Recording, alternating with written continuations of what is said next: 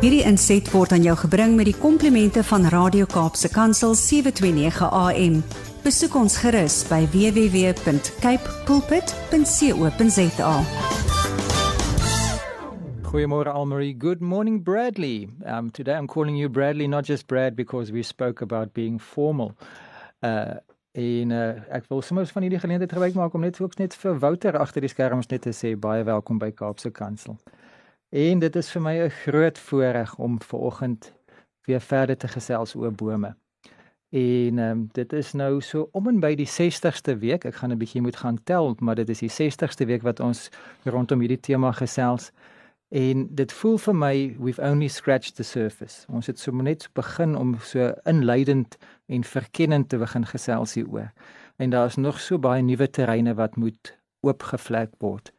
En onder andere is daar nog die hele gedagte van bome in die geskiedenis? Want ons het al bietjie verwys na uh, bome in die Bybel so die Bybelse geskiedenis het ons al hier en daar al so bietjie aan gekrap.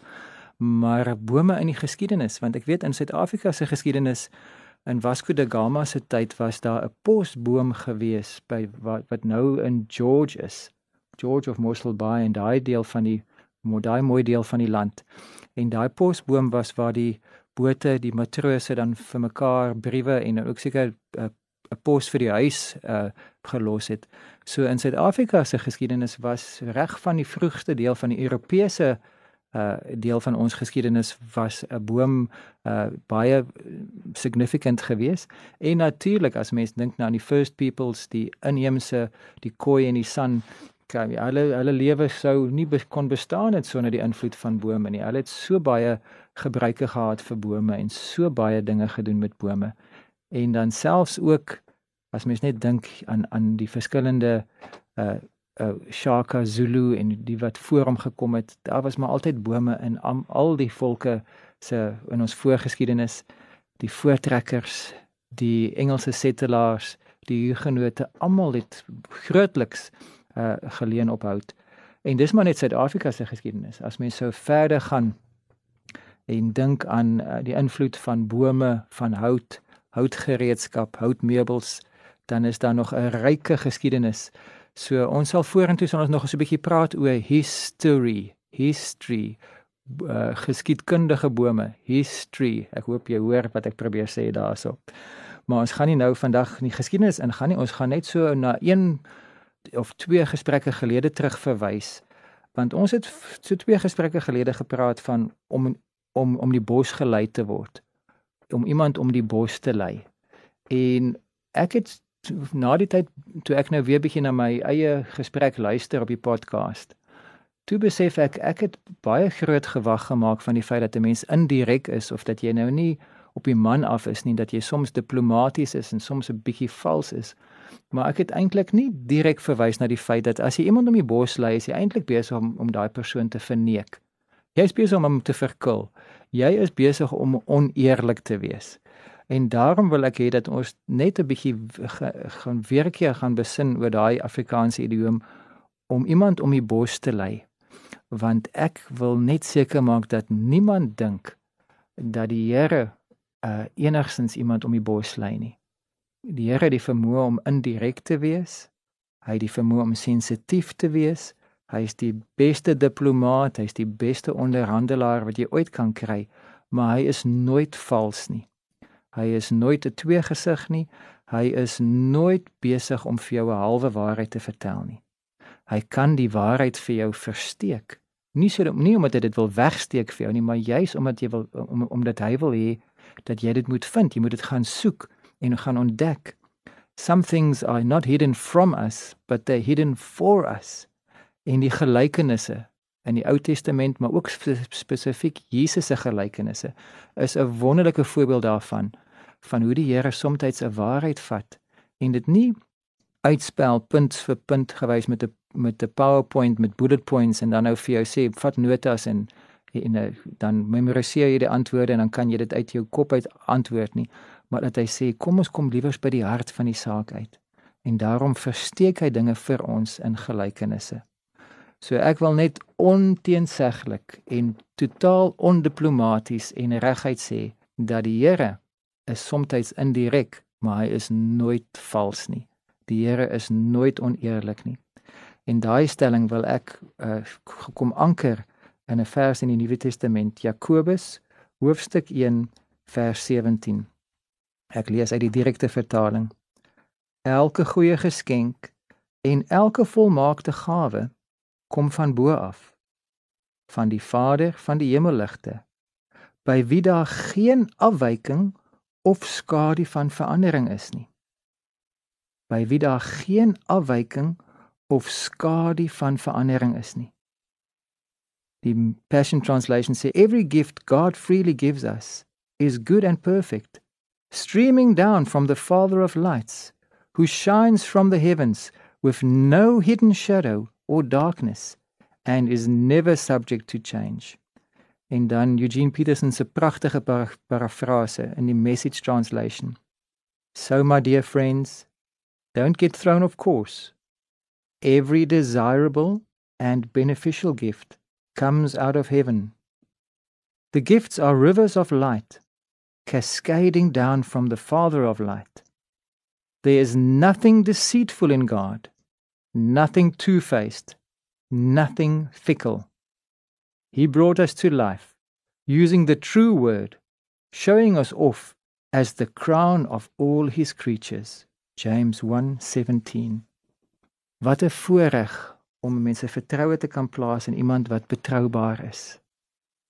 As ek my geloof in iemand wil stel, dan moet daai persoon geloofwaardig wees. Dit help nie net 'n mens te klomp leerstellings, 'n klomp doktrines, 'n klomp grondliggende waarhede, maar die outeur daarvan het is twyfelagtig in sy karakter nie. Dit help nie ons bou ons verhouding met iemand wat wispelturig is nie. Daai Engelse woord fickle is om ongelukkig soms 'n raakvat van van my persoonlikheid. As ek saam met iemand was in die verlede in in my jong jeug van 'n politieke oortuiging wat baie konservatief is, baie baie nasionalisties, dan sou ek as 'n patriot en as 'n wit Afrikaner baie baie mooi ingepas het.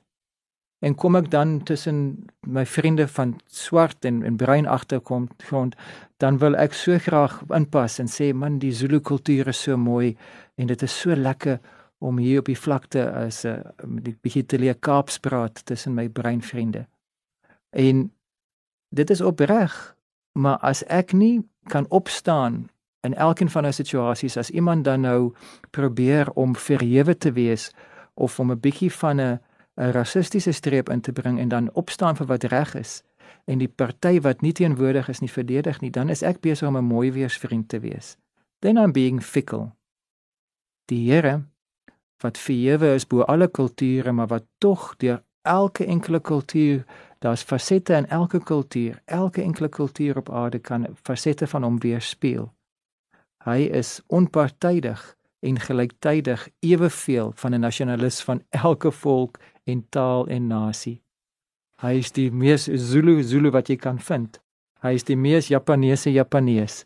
Daar is nie 'n Indonesiër wat meer Indonesies is as die Here nie. Daar is nie 'n Boesman wat beter kan klik klik Eh, geluide maak as wat die Here kan maak nie want hy is die oorsprong van alle fasette van die menslike kultuur en wese sonder dat hy ooit wisselvallig is hy is autentiek die Here is eg die Here is waar en waaragtig daar is so 'n mooi ou Afrikaanse manier van praat van wragtig en dit dit kan as 'n kragwoord gebruik word maar dit kan ook en met grootste respek kan ons sê waar en waaragtig God is werklik die waarheid. So help me God, the truth, the whole truth and nothing but the truth. Ons beroep ons op self op die outeur van die waarheid. Daar is iets mooi aan autentiek autentiek wees in persoonlikhede en daar is iets moois aan autentiek wees in ons omgewing. Ek gee nie om as iemand vir my 'n uh, 'n ou plastiek stoel nader trek en in 'n polistireen koppie vir my lou warm flou koffie gee nie. Terwille van gasvryheid en terwille van die vriendskap sal ek dit met groot dankbaarheid ontvang.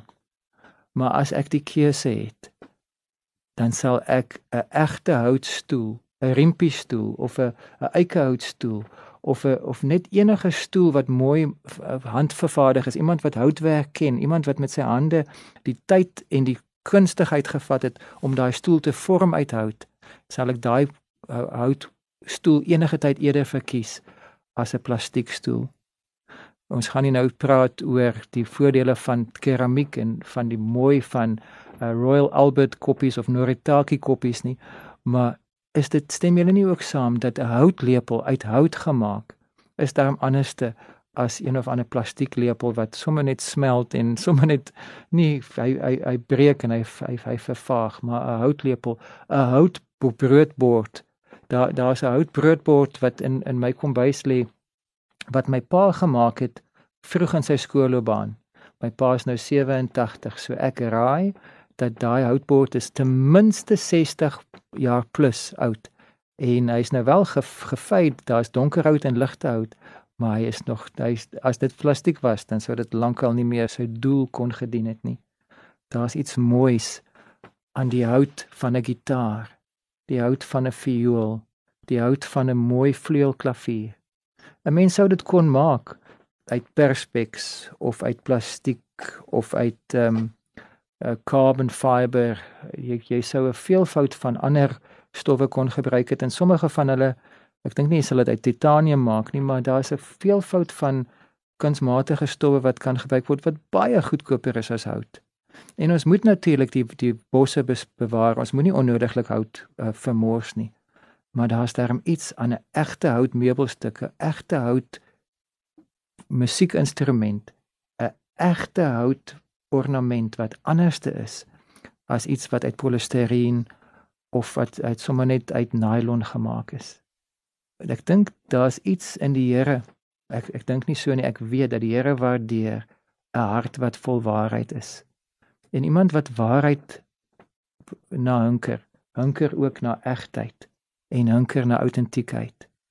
Kom ons gebruik die volgende keer as jy 'n polistireen koppie vashou om jou te herinner om om vir jouself te sê ek moet eg wees. Ek moenie wees soos 'n goedkoop weergawe van myself nie. Kom ons bid saam. Vader, U is die bron van alle waarheid. U is waaragtig en nooit vals en nooit die bron van enige misleiding nie. Dankie dat U U waarheid vir ons wil openbaar. Dankie dat daar vir ons skatte versteek is in die gelykenisse in U woord. Dankie vir profetiese drome en ander maniere wat U ons aandag wil trek. En Here, ons wil eg wees in ons liefde vir U en ons verhoudings teenoor ons medemens. In Jesus naam. Amen. Hierdie inset was aan jou gebring met die komplimente van Radio Kaapse Kansel 729 AM. Besoek ons gerus by www.cape pulpit.co.za.